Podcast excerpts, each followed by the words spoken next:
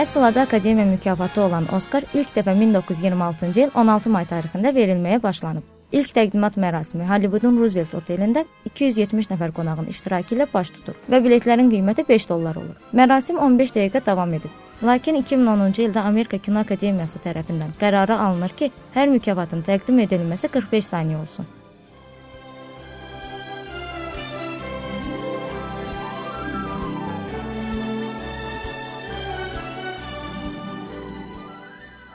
İlk təqdimat mərasimi mətbuata qapalı olub. Bir ildən sonra isə mərasimin ilk radio yayımı həyata keçirilir. 19 mart 1953-cü ildə Kaliforniyada keçirilən təqdimatda ilk dəfə qaliblərin adları televiziya vasitəsilə açıqlanır. 1976-cı ilə qədər Oskar təqdimatının canlı yayımı NBC telekanalına məxsus olsa da, sonradan bunu ABC kanalı icra etməyə başlayır. Hazırda isə mərasim 220 ölkədə televiziya vasitəsilə canlı yayımlanır.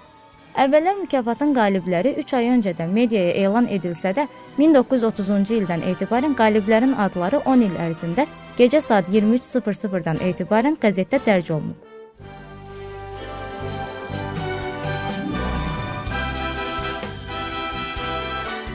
...27 mart 1957-ci ildə keçirilən 29-cu Oskar gecəsində ilk dəfə ən yaxşı xarici film nominasiyası təqdim olunur. O vaxta qədər isə xarici dilli filmlər xüsusi nailiyyət mükafatı ilə təltif edilirdi.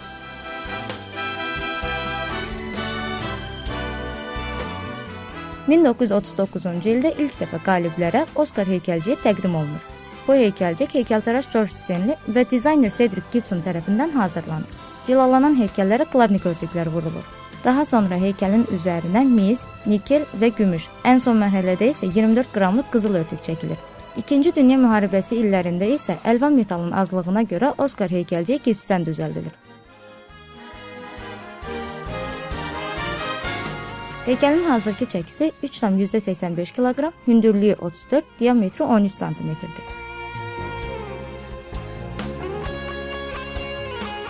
Bu mükafatın niyə məhz Oskar adlandırılması hələ də məlum deyil. Bununla bağlı bir çox fərziyyələr irəli sürülür. Belə fərziyyələrdən ən məşhuru Kino Akademiyanın kitabxanaçısı Margaret Herrick ilə bağlıdır.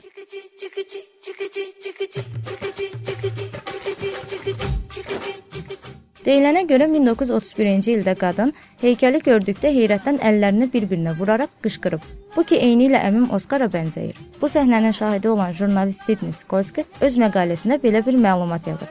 Kino Akademiyanın əməkdaşları qızıl heykəlciyi Oskar adlandırırlar. Başqa bir əfsanəyə görə 1934-cü ildə Walt Disney 3 donuz balasına görə bu mükafatı əldə etdikdə onu Oskar adlandırıb və elə o vaxtdan da adı belə qalıb. Oskar adı rəsmi olaraq 2013-cü ildən qəbul edilib.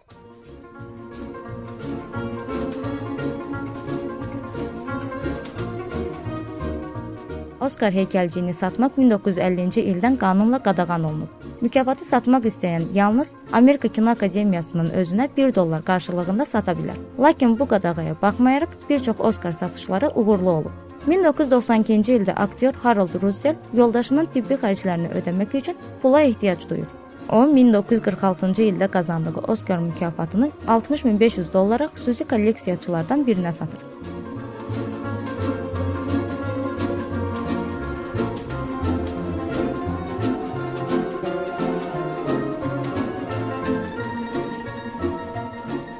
Walt Disney Oskar mükafatına 64 dəfə namizəd olub.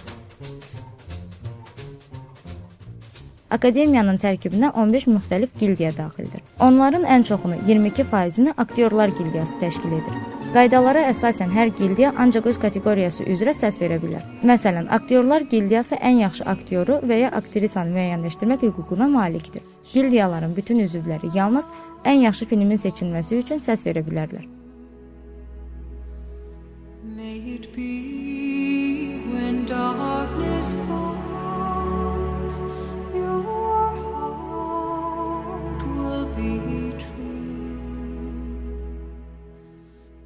Təqdim olunan işlər 40 dəqiqədən az olmamalıdır. Lakin bu qayda yalnız qısa metrajlı filmlərə aid deyil. Burada ən yaxşı sənədli film, xarici dildə ən yaxşı film, ən yaxşı qrim, ən yaxşı qısa metrajlı film, ən yaxşı səs montajı və ən xüsusi effekt nominasiyalarında namizəd və qalibləri seçmək üçün Akademiyadan kənar xüsusi səsvermə dəstəsi hazırlanıb.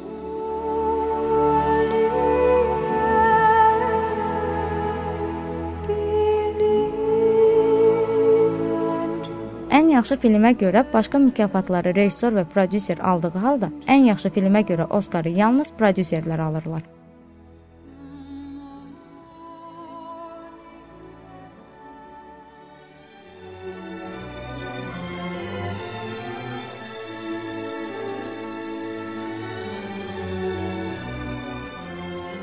Namizədlərə verilən səslər PricewaterhouseCoopers şirkətinin auditoriya mütəxəssisləri tərəfindən hesablanır. Şirkətin iki əsas eksperti və onların 4 köməkçisi Amerika Kino Akademiyasının üzvlərindən 6000-ə yaxın büllüteni nəzərdən keçirirlər. 3 gün davam edən hesablama tam məxfi şəraitdə aparılır.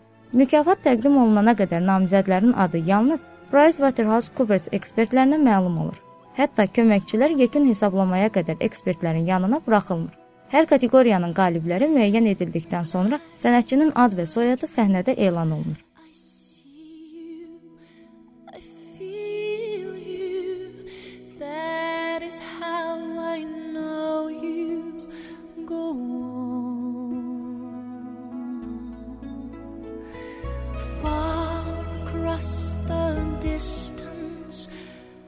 Oskar tarixində ən çox heykəlciyə layiq görülən filmlər bunlardır. 1959-cu il Ben-Gur, 1997-ci il Titanic və 2003-cü il Üzüklərin hökmdarı.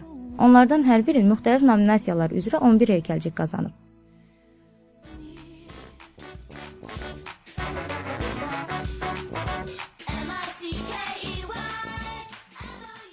Walt Disney Oscar mükafatına 64 dəfə namizəd olub. O ilk dəfə bu mükafata 1932-ci ildə Mickey Mouse cizgi filminə görə layiq görülüb.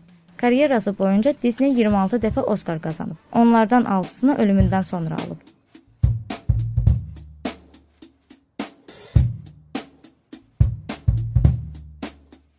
Aktrisa Catherine Hepburn ən yaxşı aktrisa nominasiyasına görə ən çox Oskar alan şəxsdir. Onun ümumilikdə 4 mükafatı var.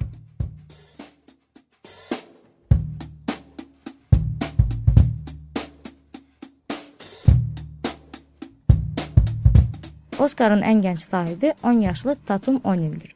O mükafatı 1973-cü ildə çəkilmiş Kağız Ay ekran əsərindəki ikinci dərəcəli rola görə qazanıb. Mükafatın ən yaşlı sahibi isə 81 yaşlı aktrisa Jessica Tandy'dir. Aktyor Jack Nicholson Oskara 12 dəfə, aktrisa Meryl Streepin isə 17 dəfə namizəd olsalar da, mükafata 3 dəfə sahib olublar. Rejissor işinə görə ən çox Oskar alan John Ford və Woody Allendir. Onların hər biri 4 dəfə qalib olub. Ən yaxşı xarici film nominasiyasında namizəd olan ekran əsərləri içərisində liderlik Fransa kinolarına məxsusdur. 1948-ci ildən 2010-cu ilədək Fransa filmləri 38 dəfə mükafata iddialı olublar. 70 il ərzində Oskar mükafatının təqdimatı mart ayında keçirilirdi. 2004-cü ildən bu günə kimi isə mərasim fevral ayında baş tutur.